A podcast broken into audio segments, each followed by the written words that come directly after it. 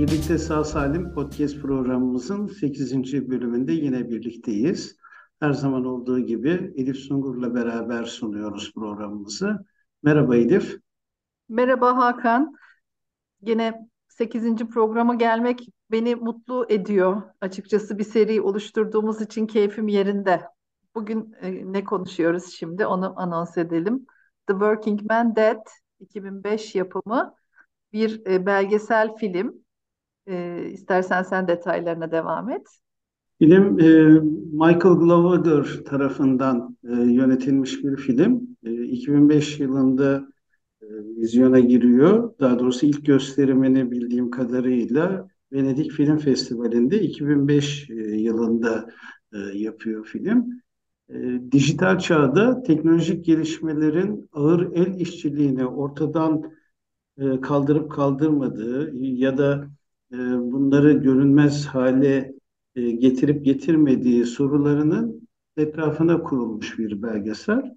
Yönetmen e, bu sorunun yanıtını vermek için dünyanın değişik yerlerinde çekimlere çıkıyor. Beş işçi portresine odaklanarak yaklaşık iki saatlik bir belgesel film üretiyor. Zaten filmin yapısına baktığımızda da altı e, alt bölümden oluştuğunu görüyoruz. Bu bölümler hakkında kısaca bilgi vereyim. E, birinci bölüm e, Ukrayna'daki kömür madeninde çalışan e, işçiler üzerine. E, ikinci bölüm Endonezya'daki kükürt madencileri üzerine. Üçüncü bölüm Nijerya'daki bir açık hava mekanında çalışan kasaplar üzerine. Dördüncü bölüm Pakistan'daki gemi söküm işçileri üzerine ve beşinci bölümde Çin'deki çelik e, işçilerini konu alıyor. Son bölüm bir epilog olarak hazırlanmış. O da Almanya'da çekilmiş ama tabii ilk beş bölümde e, aslında doğrudan e, bağının olmadığını ama bu beş bölümden sonra bizi nasıl bir dünyanın beklediği bütün o tarihsel yapının özetiyle e, karşı karşıya bırakıyor. E, birazdan ayrıntılarına gireriz. E, gerçekten izlemeyenler için e, mutlaka izlenmesi gereken filmler listesinde olması gereken bir film. Yani İşçinin Ölümü orijinal adıyla Working Man's Dead. Bu filmin yanı sıra e, bir de başka bir kitaptan yararlanacağız. Tartışmamızı genişletirken evet bir de Eyal Press'in Pis İşler diye böyle güzel bir kitabı var. Onu fark etmiştik. Sen fark etmiştin. Bu Working Man dedi de e, ben e, 2015'te İstanbul Film Festivali'nde görmüştüm. 34. festivalde. Aslında belgesel 2005'te çekilmiş. Sen ilk gösterimi Venedik Festivali'nde yapıldı demiştin. Bir sürü de ödül almış. Onları da belki bir e, hatırlatabiliriz. 2006 yılında Beyrut'ta, Erivan'da, Durban'da, San Francisco'da, Meksiko'da, Kopenhag'da en iyi belgesel ödüllerini toplamış bu film. Çarpıcı gerçekten de ilk epizodda hem dokümanter görüntüler kullanmış e, Glowager hem 1930'lardan böyle dokümanter görüntüler maden işçilerini gösteriyor. E, onlar çeşitli üretimin artmasına ilişkin e, duygu ve düşüncelerini söylüyorlar. Ay, nutuk atıyorlar sanki. E, hatta yeminler ediyorlar. İşte bir tane işçi diyor ki bu bu maden kuyusunun en iyi işçisi benim. De söz veriyorum ki önümüzdeki üretim döneminde şu kadar ton üretim yapıyorduk. Onun üzerine çıkacağız falan diye böyle. Ve işçilerin yemini böyle askeri bir düzen içinde rap rap rap yürüyüşleri falan da gösteriliyor üretkenliğin adeta bir e, kutsaması gibi bir görüntüler kullanmış. Daha sonra da günümüze geçiyor. Ukrayna'da aslında terk edilmiş olan maden ocaklarında kendileri için e, çalışan e, böyle günde işte birkaç kişi bir araya gelmişler. Günde birkaç torba kömür çıkarmak için uğraşan insanları e, kamerasını çeviriyor. O kadar dar yerlerde çalışıyorlar ki ancak sürünerek e, vücutlarının üstünde giriyorlar 30-40 santim aralıklardan kömür galerilerine. Galeri demeye de bir şahit lazım yani tabii o şeylere. Sürünerek bütün çalışmalarını yürütüyorlar ve bir lokmacık kömür çıkarmak için hatta öğle yemeklerini de madende e, karın üstü yatarken yiyorlar. Bir işçi zengin olmuyoruz ki diyor. E, kendimiz için çalışıyoruz. Yani e, maişet için çalıştıklarını söylüyor. Çünkü aslında hukuksuz bir iş yapmıyor musunuz diyor işte çekim yapanlar. Çünkü orası gerçekten şey bir maden değil, izinli bir maden değil. Ama işçiler zengin olmuyoruz ki diyorlar. Kendi e, idare edecekleri kadar yani aç kalmayacak kadar bir nafaka çıkarmaya çalışıyorlar aslında. Etkileyici görüntüler. Sen ne dersin? Burada tabii ilginç olan bir şey e, aslında senin o altını çizdiğin siyah beyaz görüntüler Sovyetler Birliği e, henüz ayaktayken dolayısıyla Ukrayna'nın da e, o birliğin parçası olduğu dönemde çekilmiş görüntüler. Yani proletarya iktidarının hüküm sürdüğü zamanlardan görüntüler ve o dönemde işçilerin topluca daha fazla madeni e, çıkartabilmek için yemin ettiklerini görüyoruz. Marşlarla e, üretim sahasının şenlendirildiğini görüyoruz. O bir kararlılık hali.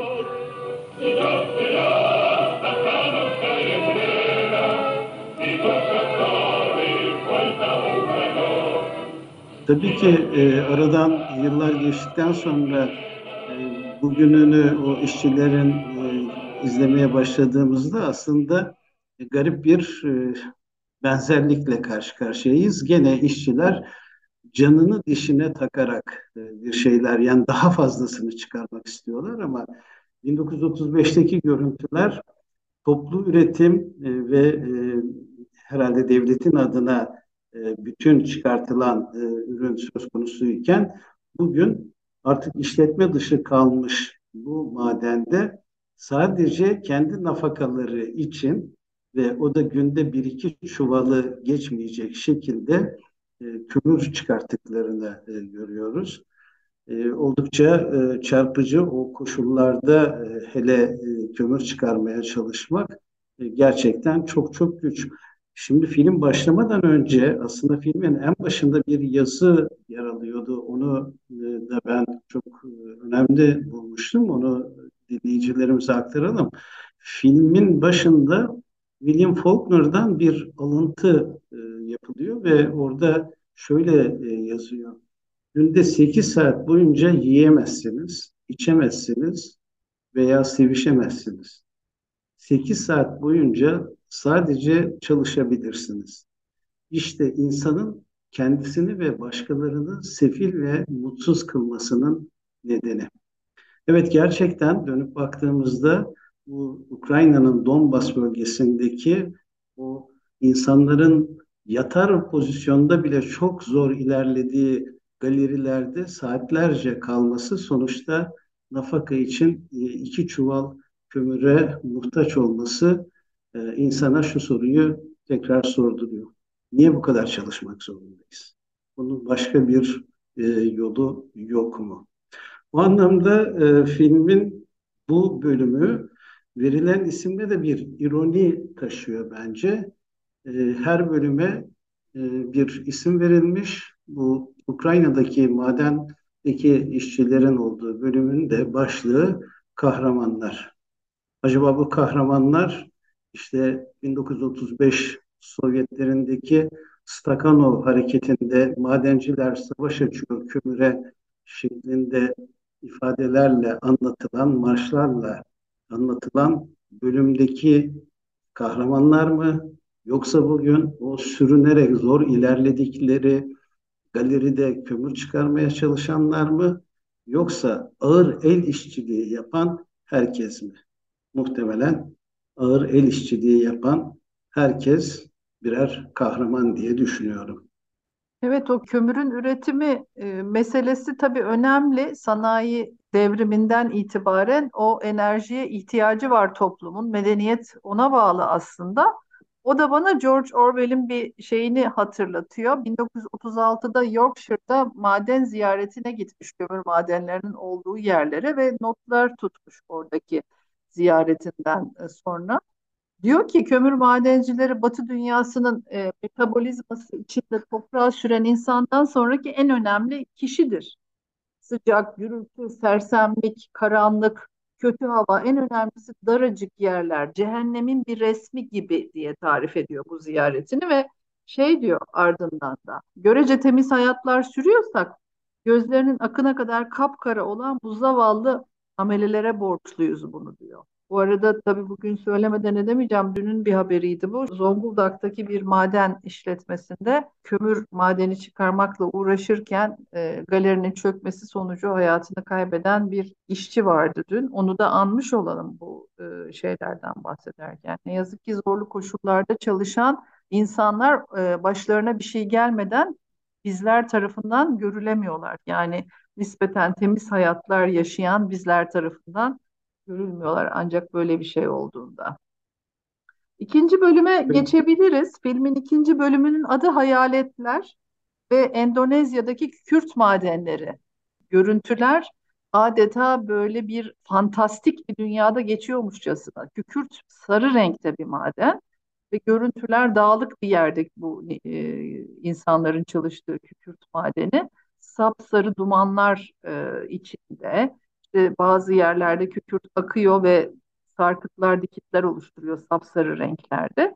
Ve oradaki insanlar da kendi hesaplarını o kükürtün katılaşmış kısmını kırarak, dökerek iptidai şartlarda sonra sırtlarındaki hasır küfelerle onları çok ağır, e, epeyce ağır küfeler oluşturuyorlar. Çünkü uz uzak bir mesafe dağdan inip çıkmak bayağı bir meşakkatli iş ve onları sırtlarında taşıyarak kükürt tüccarı kimse artık ona götürüp teslim ediyorlar. Ve bu iniş çıkışları e, o kükürtün çıkarılışı konu edilmiş. Fakat hepsinin başında bir kurban ritüeli var Hakan. Evet, e, bu e, aslında filmin tamamında hemen hemen bütün bölümlerde inanç dünyasıyla beraber e, öykünün aktığını görüyoruz.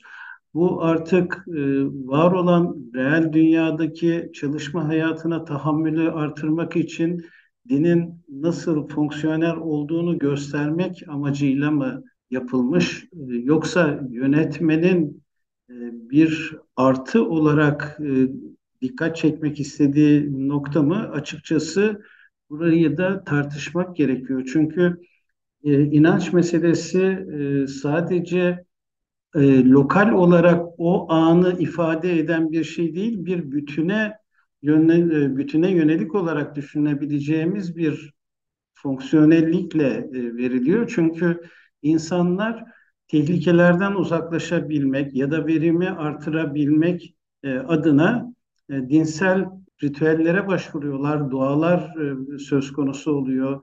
Özellikle Müslüman bölgeleri seçmiş orada da bir tereddütüm var filmin yaklaşımına e, namaz, ezan e, veya işte Nijerya'daki dua okuyarak dolaşan dilenciler gibi veya e, işte daha sonraki anlatacağımız Pakistan'daki gemi söküm işçilerinin sürekli olarak dinsel argümanlar üzerinden cümleler kurması gibi noktalarda filmde dikkat çekiyor. O anlamda baktığımızda Endonezya'daki kurban da aslında e, oldukça ilginç. Çünkü o kurban sadece Müslümanlıkla filan da ifade edilebilecek bir şey değil. Oradakilerin de bir e, Müslüman olduklarını görüyoruz ama daha arkaik dünyanın kurban ritüellerini çağrıştırıyor. Çünkü kükürt oldukça tehlikeli bir madde. Kükürtün gazabından kurtulacaklarına ancak bu eyleme girmeden önce bir kurban kellesi vererek bundan kurtulacaklarına inanıyor insanlar. O yüzden de e, herhangi bir dinle ifade etmekten daha da e, öte bir işlevi olduğunu düşünüyorum. Ama tabii ki inceden inceye oradaki dünyanın bir Müslüman dünyası olması da dikkat çekiyor. Belki sadece seçilen konu nedeniyle öyle. Bu bir, bir hassasiyet noktası olarak söylemek istemiyorum. Ee, benim için fark etmiyor Müslüman ya da Hristiyan veya Budist olmaları bu insanların. Dinin çalışma koşullarında insanları tahammül noktasında nasıl e, yeniden organize ettiğini ya da tahammül gücünü nasıl artırdığını göstermesi e, ilginç geliyor. Müreffeh toplumlar tabii daha batıdaki toplumlar müreffeh ve onlar da çoğunlukla Hristiyan kulübündeler. Öyle bir denk geliş olmuştur herhalde diye düşünüyorum. Orada da şöyle bir sorun e, veya şöyle bir sorun gündeme e, getirebiliriz. E, Sonuçta neden bu bölgeleri seçti? Batı'nın o seküler dünyasının içinde ağır işçilik yok mu? Aynen. Ya da Var tabii. yani o anlamda hep ağır işçi olan ya da hep işte e, çizilen profiller beyaz batılı dünyanın dışındaki insanlara mı reva görülüyor? Bu bir eleştiri mi? Yoksa batılı insanı rahatlatacak, oh ne güzel biz böyle değiliz Aynen. duygusunu tetikleyecek bir şey mi? E, bunu tabii ki e, filme bakarak yorumlamak e, biraz falcılık gibi olur. Yönetmenin oradaki niyetini Aynen. tabii Bilemeyiz. ki bilemeyiz. Orada ilginç olan başka bir şey vardı Elif hatırlarsan.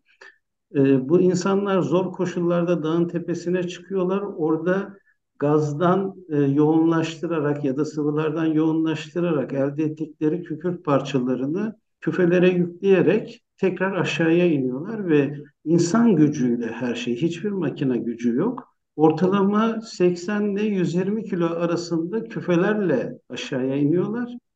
Onlar yukarıya iniş çıkış yaparken coğrafyanın başka yerlerinden gelen insanlar var. Onlar da bugün turist dediğimiz da evet o, o faaliyeti izliyorlar. Hakikaten çok acayip bir tezat oluşturuyor yani. Garip bir şey oluşturuyor. Hatta işte o küfeyi taşıyan ge- genç adamlar tabii yoruluyorlar. Epeyce uzak bir mesafe ve sarp yerlerden inip çıkıyorlar falan o kükürt tacire götürene kadar. Bazı yerlerde dinlenmek için duruyorlar. Turistler de oralarda ve o küfelerin altına e, omuzlarını sokarak hatıra fotoğrafları, selfiler falan çektirmişti hatırlıyorum ben. O çok acayip bir durum. Yani çok seyirlik bir faaliyet aynı zamanda bu kükürt madeninden kükürtün taşınması falan. Yani garip bir şekilde seyrediyor turistler. Habire fotoğraf çekiyorlar falan. O arada işçiler de sohbet ederken yani bu kükürtü taşıyan e, kişiler işte sen ne yapıyorsun, nasıl dinleniyorsun falan falan birbirleriyle konuşurlarken işte Bon Jovi'den falan söz ediyorlar. Bir tanesi dinlenme saatlerinde Bon Jovi dinlediğinden söz ediyor. İşte onu anlatıyor arkadaşına. Solisti Bon Jovi yanında işte gitarist var bilmem ne var falan diye. Enteresan bir şey. Bir başkası mesela genel eve gittiğinden bahsediyor. Hani dinlenmek için yapılan faaliyetlerden böyle konuşuyorlar ve bakıyorsun aslında hani hayatın en basit ihtiyaçlarına yönelik e, faaliyetlerden bahsediyorlar aslında. Hani dolayısıyla insanın aklına şu da geliyor. Ne için çalışılıyor? Karşılığında ne elde ediliyor? Bir şey elde et, edip etmediklerini senin verdiğin örnek üzerinden şöyle yanıtlayabilirim. Onca eziyetle getirip sattığı kükürtle bir Bon Jovi CD'sini bile zor alıyor. Hatta alamıyor. Yani onu alabilmesi için para biriktirmesi gerekiyor.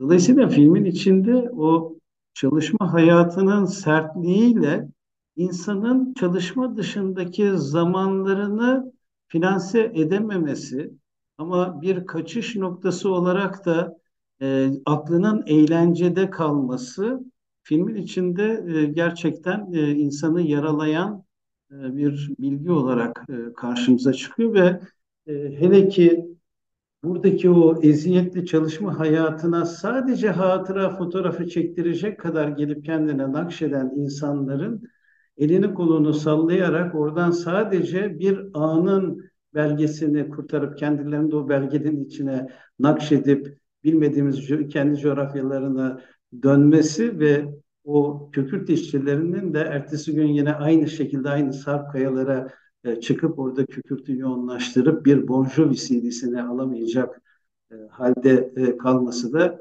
gerçekten e, filmin içinde e, insanı ciddi etkiliyor ve e, gerçekten o insanlar birer hayalet e, gibi varla yok arasında hem varla hem yok arasında e, kendilerini orada her gün yeniden bir kez daha kurban e, statüsüne yakın bir şekilde yeniden üretiyorlar. E, gerçekten e, oldukça etkili bir bölümdü. Ama Evet, üçüncü bölüme geldiğimizde Aslanlar başlıklı bölüm ise çok çok daha sert bir bölüm.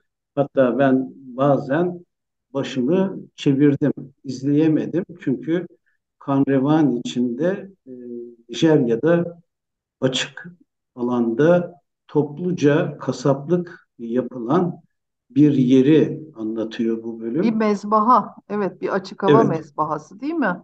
Ya evet. orada yani tabii kan işin içine giriyor. Ortalık kan revan içinde. İnsanlar e, ayaklarında belki bir Tokyo, bazıları çıplak ayaklı bile, üstlerinde başlarında bir şeyler yok. Ellerinde işte kimilerinin palalar, sağda solda yanan ateşler var. Yine böyle sanki dünyanın sonunun geldiğini gösteren filmler olur ya böyle ateş vardır, siyahlık vardır e, kan olabilir bazılarında falan. Öyle bir şey. Yani gene çok gerçeküstü gibi duruyor. Seyretmesi zor oluyor gerçekten. Çünkü hayvanların öldürülüşünü de gösteriyor yani birebir şekilde. E, parçalanmasını gösteriyor, taşınmasını gösteriyor yönetmen. Gerçekten vurucu.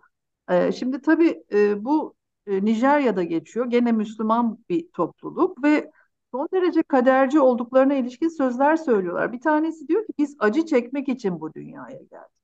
Ve bir başkası yine de diyor burada kasaplık yapabildiğim için Allah'a şükrediyorum. Bu mesleği yaptığım için diyor. Bu şerefli bir şey. Yani hırsızlıktan iyi diyor mesela.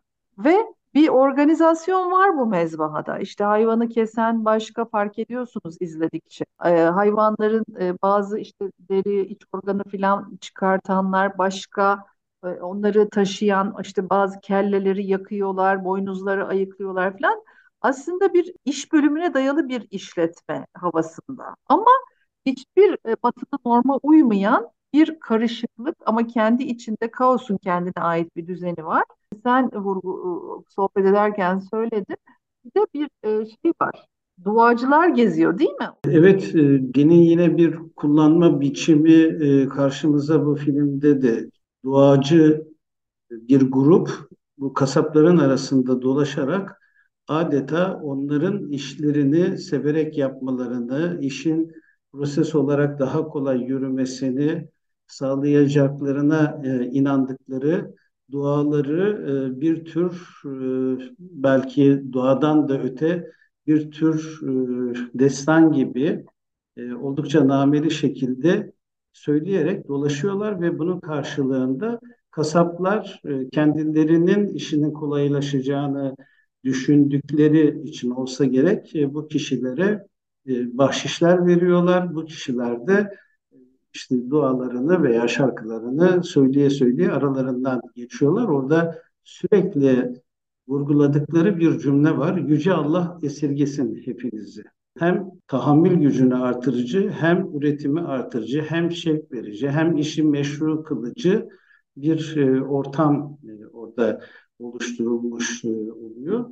Ve e, hakikaten o kan revan içinde o insanların o kadar sıradan e, şekilde e, yaşamalarıyla beraber baktığınızda hani ortadan kanı kaldırsanız herhangi bir kamusal alanda yürüyen herhangi bir işmiş e, gibi görebileceğiniz kadar doğallar. Ama ellerinde koca palalarıyla işte hayvanların ayaklarına attıkları kementlerle çekip hayvanı tek hamlede yere düşürmek, tek hamlede boynunu uçurmak gibi oldukça e, vahşi e, bir işle iştigal ediyorlar.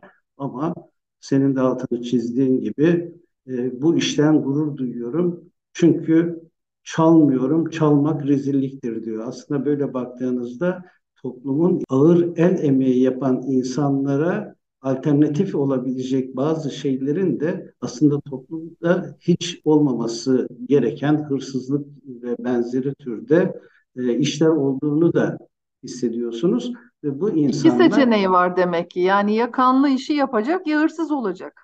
Başka evet seçeneği o olmadığının farkında o yüzden de kendisini daha ahlaklı hissedebileceği kasaplık e, işinde kendini daha mutlu görebiliyor. hissediyor. Evet, duygusal emek deniyor buna. Hakan, e, sen de bilirsin. E, yani yapılan işin yarattığı duygusal yükü ifade etmek için, oluşturulan duygusal yükü ifade etmek için e, söyleniyor. E, ve negatif bir anlam aslında yükleniyor. Filmde tabii daha çok bu Müslüman olan toplu e, şeylere rast geliyoruz. E, Müslüman ülkelerde geçen örneklerde özellikle bu şeyde aslanlarda işçiler o kasaplık mesleğini yapabildikleri için şükrediyorlar. Yani bu zor işi yapmalarına rağmen burada bir şükür e, fırsatı buluyorlar. Bu duygusal emek kavramı batıdan tanımlanmış bir kavram. Batı bakışıyla ifade edilen bir kavram. Burada da bir farklılık görüyorsun yani. Öbür tarafta doğu tarafındaki bakışta evet bir emek var. Çok da zor bir iş yapılıyor. Yani duygusal emeğin de ötesinde çok fazlasıyla bir e, vericilik, fazlasıyla zor olan bir işi yapıyorlar. Pis bir işi yapıyorlar. Ama e, yine de şükürcü bir bakış açısı var. İşte hem bu dünyaya bakışla ilgili bir farkı da gösteriyor. Şimdi pis iş deyince de Eyal Press'in Pis İşler kitabı senin karşına çıkmış. Metis'ten yayınlanan. O da çok güzel bir kitap. Orada da Eyal Press Amerika'daki görünmeyen ama toplumun ihtiyaç duyduğu, yapılması muhakkak şart olan işleri anlatıyor. O kadar ilginç ki gardiyanlardan bahsediyor. E, çok sayıda çünkü e, şey var, e, hapishane var Amerika'da her yerde olduğu gibi. İHA kullanan yani insansız hava aracı kullanan işte bunlarla e, silahlı saldırı yapılan işte ne deniyor onları bilmiyorum yani insansız hava aracı deniyordu galiba. Onları kullanan operatörleri anlatıyor. Onların da çok büyük e, sıkıntıları var. Yani insan öldürme işindeler insanlar ve çok büyük duygusal yükler çekiyorlar. Tavuk çiftlikleri yani tavukların kesildiği e, son derece aslında hani kapitalist sistemin ihtiyaç duyduğu yiyeceğin hazırlandığı ama kendi içinde belki de içini görebilsek o Nijerya'daki mezbahadan çok da farklı olmayan sertlikte işlerin döndüğü, hani işçilerin anlatımlarından o anlaşılıyor.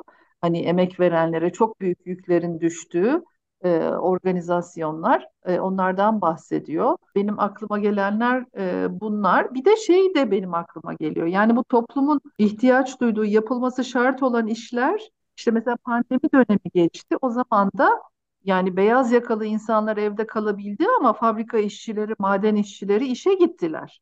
Ya da kuryeler işe gitmek zorunda kaldılar. Hastalandılar da ya da işte sağlıkçılar, doktorlar, hemşireler, diğer bütün sağlıkçılar o sırada toplumun o pis işini yapıyorlardı. Ama neyse ki sağlıkçılara yönelik bir toplumun bir şeyi vardı. Yani çok büyük bir saygısı vardı. Hayat kurtarıyorlar diye e, bir dönem çok iyi de destek de aldılar ama neticede e, altında ezildikleri yük çok çok fazlaydı. Bir sürüsü kendi ailesine hastalık bulaştırdı, bir sürüsü öldü hastalıktan etkilenerek vesaire. Bunlar da o dönemin pis işleriydi aslında. Yapılması mecburi olan ama bizim çok da bu yönlerine dikkat etmediğimiz işler. Evet, e, toplumsal yaşam bir bütün. E, mutlaka bazı işlerin yapılması gerekiyor. Çünkü toplum bir üretim tüketim zinciri içinde varlığını sürdürebiliyor. Bu üretimin içinde de dediğin gibi bazı işler pis işler. Ama o işlerin de birileri tarafından yapılması gerek. Örneğin dünyada şu anda hani belli bir standardı tutturan toplumlarda etin tüketilmemesi diye bir şey düşünülemiyor. Yani sınırlı sayıda vejeteryanlar ya da veganları kenarda e, tutarsak et bir ihtiyaç maddesi ve etin ortaya çıkması için de kasaplık müessesesinin olması gerekiyor. Burada şu soru önemli. Bu işi kim yapacak? Eğer Press'in pis işlerde anlattığı gibi bu işler aslında toplumda bir anlamda ötekiler tarafından yapılan işler. Nitekim Eğer Press'in zorla girdiği o mezbahalarda, tavuk mezbahalarında çalışan insanların da genellikle güneyden, Meksika tarafından kaçak yolla gelmiş göçmenler ya da bir şekilde Amerikan toplumunun içinde var olan dibe vurmuş insanlar. Pis işler onlara havale ediliyor. Eğer Press'in e, kitabının bence en e, can alıcı, en muhteşem yanı da burada. Eğer Press bunu kendi başına e, bulmuş birisi değil. O da e, Amerikalı bir sosyologdan hareketle, onun yaptığı çalışmalardan hareketle böyle bir yola giriyor. Ee, Amerikalı sosyolog Hughes, e, herhalde Hughes diye okunuyor. Ondan bir alıntıyla özetliyor. Diyor ki e, Hughes, belki de biz bu insanlara kendi yapmayacağımız, hatta varlığını kabul etmek bile istemeyeceğimiz işleri yaptırmak için bilinç dışı bir yetki veriyoruz diyor. Yani şunu söylemek istiyor. Herhangi bir toplumda yapıla gelen pis işler ancak ve ancak iyi insanların zımni yani üstü kapalı rızasını gerektirir. Zaten o işleri yapanlar da Eyal Press'in kitabında bir tanesi şöyle diyordu. Mecburiyetten çalışıyoruz diyordu. Yani onu yapmak zorunda olan gruplara yönlendiriliyor bu pis işler.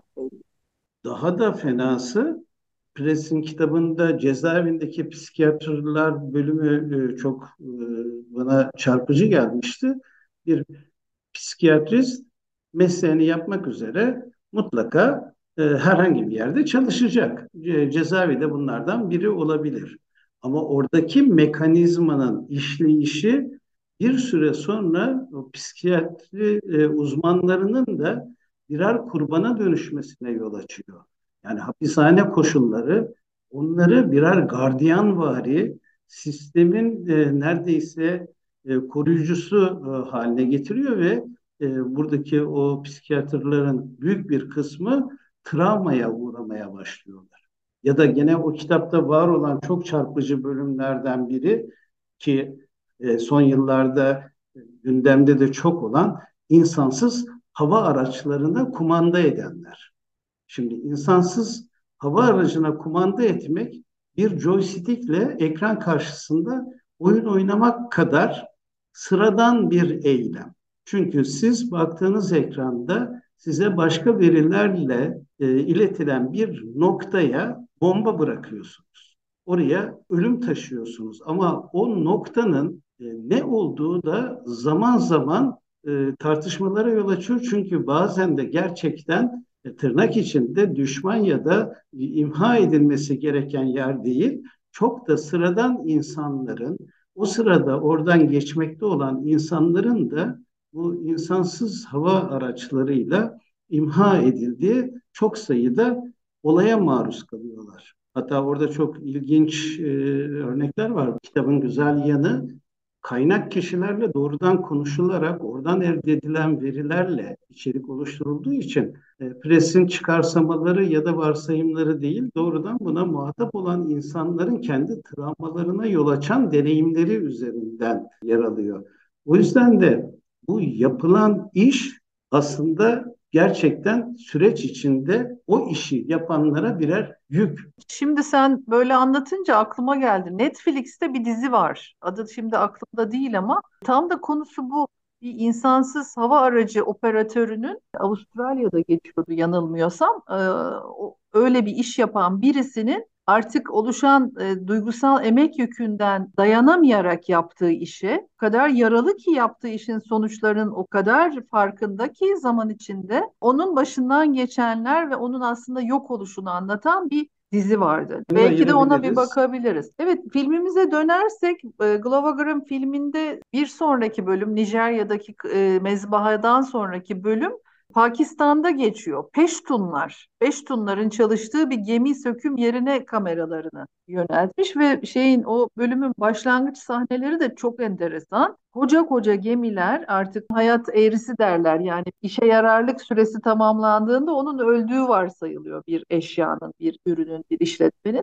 Gemiler de böyle yani ömür süreleri var, verimli ömür süreleri. O bittiği zaman hurdaya e, çıkıyorlar. Gemiler gelip gelip Peştunların bulunduğu o Pakistan sahillerine büyük bir hızla baştan kara yaparak ta kumulun içine kadar o kocaman kocaman gemiler giriyorlar. Üst üste böyle sahneler çekmişler. Senin dediğin gibi devasa transatlantiklerin ömrünü tamamlamış gemilerin parçalandığı bir yer. Bu işi yapan insanlar ise Pakistan'ın kuzeyinde Afganistan sınırında yer alan Paştun ya da Peştun diye ifade edilen bölgeden gelen e, insanlar. E, belki de bu insanlar hayatlarında denizle e, sadece burada karşılaşan e, insanlar. E, hemen hemen yılın büyük bir kısmını burada geçiriyorlar. Çok yoğun çalışma saatleri içinde olduklarını anlıyoruz. Belki de günün yarısını gemilerin üstünde parçalama işlemi yaparak geçiriyorlar. Arta kalan zamanlarda da bu insanların sadece asgari ihtiyaçlarını karşılayacak bir hayat sürdürdüklerini görüyoruz. Nedir? İşte basit yemek e, ya da dinlenmek e, için e, o mekanlarda görüyoruz. Bir de gene diğer filmlerde olduğu gibi bu filmde de din karşımıza yine çıkıyor. Buradaki insanların da çok ciddi şekilde ezan ve namaz görüntüleriyle o yaşadıkları dünyaya nasıl tahammül ettiklerine ilişkin din yine bir e, araç olarak e, karşımıza çıkıyor. Ve e, bu tabii sadece dinsel görüntülerin gösterilmesi şeklinde değil, orada çalışan kişilerin bizzat kendi sözcüklerinden de akıp geliyor. Çünkü bu insanların çok ilginç ifadeleri var. Çünkü çok çok ağır bir iş. Yani her an ölebilirler. Yaralanmak zaten belki gün içinde çok sıradan gerçekleşen bir eylem. O kadar zor koşulların içinde insanın tahammülü gerçekten imkansız. Ve şunu söylüyor e, işçilerden biri. Çalış, çalış, çalış. Kendimi bildim bileli hep bunu yapıyorum. Ve ölüm hep yanı başımızda diyor. Nasıl yanı başında e, olmasın ki?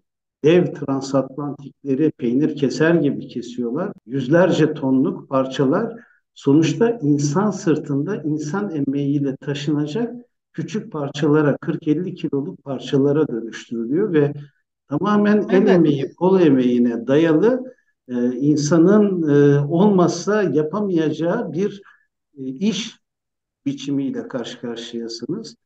Böyle bir Çünkü ücret hayatta yani muhtemelen çok az ödüyorlar. Ee, bir, bir, bir organize eden var bu işi. Yani birazcık hani organize bir tersaneye pek benzemiyor olay yeri ama yine de bu işi bir organize eden var belli ki. Yani elinde telsiz olan adamlar falan görüyorsunuz gemi sökülmeye başlandığı zamanlarda. Basit kaynakla kesiyorlar, dev gibi parçalar düşüyor vesaire. Ama ücret hiçbir zaman yeterli olmadı diyor e, işçiler sohbet ederken. Yani 30 senedir burada çalışıyorum diyen var. İşte evine belki yılda bir ay gidiyor, gidemiyor. Çünkü ücret hiçbir zaman yeterli olmuyor. Hani ailelerine de bakıyor bu insanlar ama çok iptidai şartlarda ailelerinde muhtemelen yaşadığını tahmin edebiliyoruz. bu insanlar eğer yüksek ücretle çalışacak olsalar yılın 11 ayını burada bu kadar ağır bir işle geçirmezler.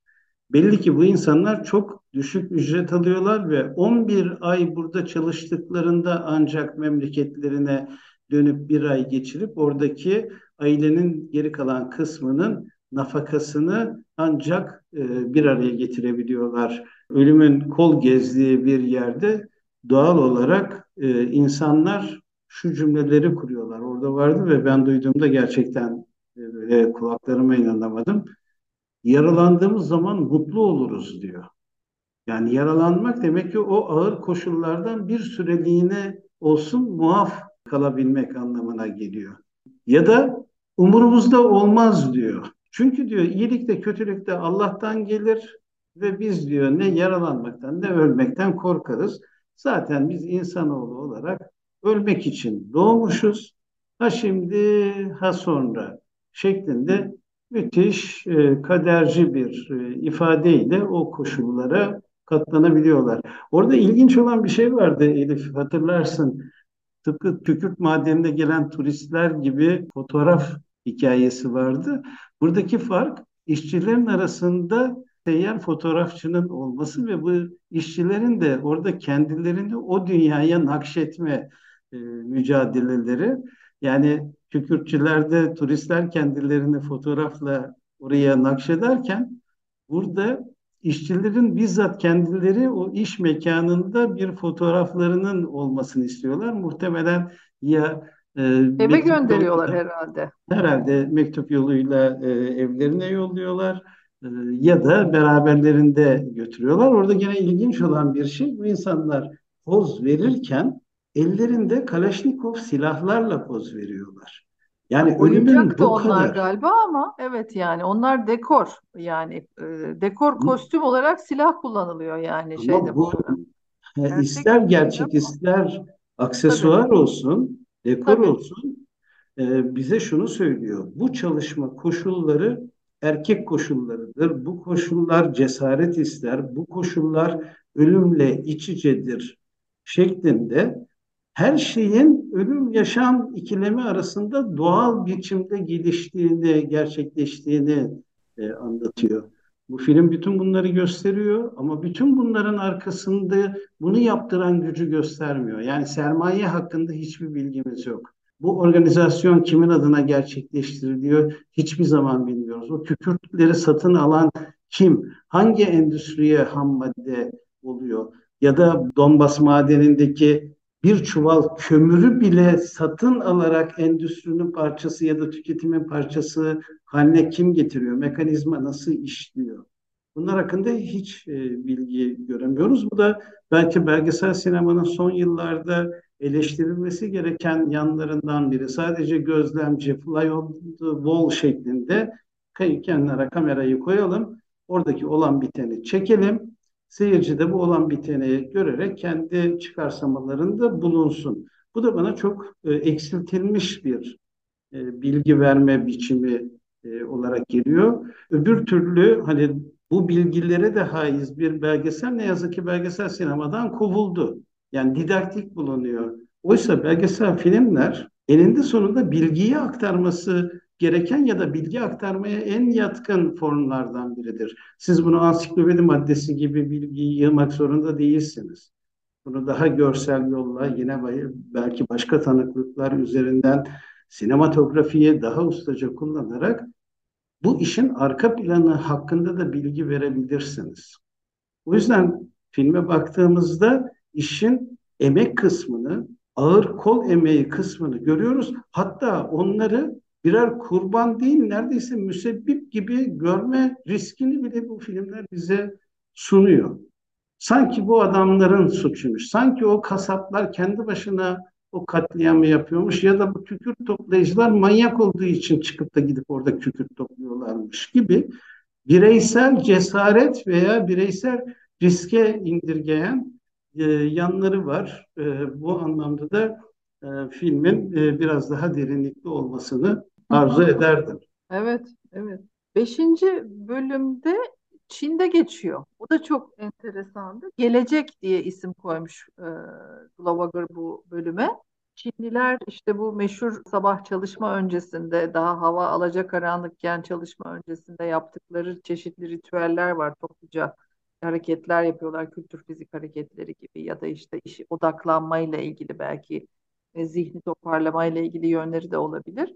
Onlarla başlıyor sahne ve çeşitli Çin'in böyle e, anıtsal bir takım heykelleri vesaire bir şeyler görüyorsunuz ve en sonunda bir metalürji tesisinde işte çelik, erimiş çelikle çalışan insanlara çeviriyor kamerasını yönetmen. Çin bütün şu ana kadar e, şey yapılan kameranın yöneldiği ülkelerden farklı. Kapitalist bir dev olmuş durumda Amerika'nın karşısında ve yine çalışmaya bir neredeyse çalışmaya tapma gibi düşünebileceğimiz bir çalışmaya övgü var. Bu filmin ilginç olan e, farklı yanları var. Tabii en başta izlediğimiz Donbas madenindeki insanlar yıkılmış bir proletarya diktatörlüğünden e, ya da bir proletarya devletinden artık e, kim nasıl yorumlarsa e, arta kalan insanların e, emeğini anlatırken Çin'deki çelik işçileri yine bir proletarya e, ülkesinden, bir proletarya devletinden ya da bir proletarya diktatörlüğünden söz edilen bir yerin kul emeği. Ama senin de dediğin gibi bugün Çin'deki siyasi yapı belki içeride işleyiş olarak proletaryayı bir arada tutma becerisini gösterirken belki paylaşımda daha adil olabiliyorsa da bilmiyorum ama Batı kapitalizmine kafa tutacak ama aynı zamanda da Batı kapitalizmi için daha ucuz malın üretildiği bir yer. Dolayısıyla oradaki proleterler de yine kapitalizme şöyle ya da böyle hizmet eden kol emeğini temsil ediyorlar. Ama e, burada e, bu koşullarda çalışan işçilerin de kendilerini daha mutlu hissedebilmesi e, için işi daha e, belki meşrulaştıracak e, argümanları dile getiriyorlar. Mesela bunlardan biri teknolojiye olan inançları. Yani bir yandan Mao'nun o kitlelerin sınırsız yaratıcı gücüne e, yaptığı vurgu e, ile o sözlerle karşı karşıya kalırken bir yandan da şimdiki işçilerin e, işte sadece kas gücüyle bu işin olmadığını, kas gücünün yanı sıra iş bilgisinin, teknolojinin de üretime eşlik etmesi e, gerektiği bilgisini duyuyoruz. Yani dönüp baktığımızda hepsinde aslında bir verimliliği artırma meselesi var. Yani Verimliliği işçi de onu vurguluyor hakikaten. Enteresan işte işleri düşünerek yapmamız lazım. Sadece işte kol emeğiyle yapmak yeterli olmuyor falan diyen bir işçi vardı yani. Gene bir hani hem kendine düşen payı yüksek bir şekilde sırtında hissediyor. Hani e, bunu bunu yapmam yeterli değil duygusu çektiğini anlıyorsun o laflardan adamın. Hani daha fazla şey bilmeliyim, daha iyi yapmalıyım falan diye böyle bir şey de var. Sırtında bir yük olduğunu da hissediyorsun. Ve işte o verimlilik e, mikrobu diyeceğim tırnak içinde yutulmuş durumda yani. O verimlilik büyümeye dayalı o refah beklentisi toplumların e, herkes tarafından neredeyse kabul görmüş durumda. Yani daha çok üreteceğiz. Böylece hepimiz daha iyi olacağız diye bir düşünce e, yayılmış gitmiş durumda ama daha iyi olanlar işçiler gibi durmuyor yani. Tabii ki işte şeyin halde. arka planını görmüyoruz. Az önceki yaptığım eleştiriye tekrar dönecek olursam, e, ne çeliği üretenin, ne kömürü üretenin, ne eti üretenin kimin altında bu mesleği icra ettiğine ilişkin, onun arka planındaki paylaşımın, pazarın nasıl paylaşıldığı, karın, sermayenin nasıl büyüdüğüne ilişkin hiçbir şey görmüyoruz. O anlamda e, bu film bizi bir dünya ile baş başa bırakıyor. Bizim çıkarsama e, yapmamızı istiyor. Ama belki filme de bu kadar e, haksız e, sataşmak yapmak istemem. Öyle de algılanabilir. E, şöyle daha iyi niyetli bir yorumda bulunayım. Filmin adı İşçinin Ölümü. Tabii tabii yani biz filmden bakınca Tabii e, bu seyredenler olarak şey yapıyoruz. Neticede aklımıza gelenleri de paylaşıyoruz. Yani film bunu anlatıyor diye bir iddiamız olamaz. Ama filmin bize düşündürdükleri yani çalışma hayatı, çalışma hayatının zor yönleri, çalışma hayatının insan sağlığına etkileri üzerine falan biz uğraşmayı sevdiğimiz için biz biraz da bunun aç- sanat eserinin bize düşündürdüğü açılımları da tartışıyoruz tabii dinleyicilerimizle paylaşıyoruz. yani bu işçinin ölümünü o anlamda e, yönetmenin iyi bir tercih e, yaptığı noktasında değerlendiriyorum. Çünkü işçinin ölümü hem fiziken gerçekten pis işleri anlatan ve ölümle yaşam arasında çok e, sınırda, kenarda e, durduğunu anlatan bir şey. Bir yandan e, ağır el emeğinin belki de toplumların zihninde ölmüş olduğunu kabul etmeyi e, anlatmaya çalışan bir kavram. Ama ben bu filmden bambaşka bir şey daha okuyorum.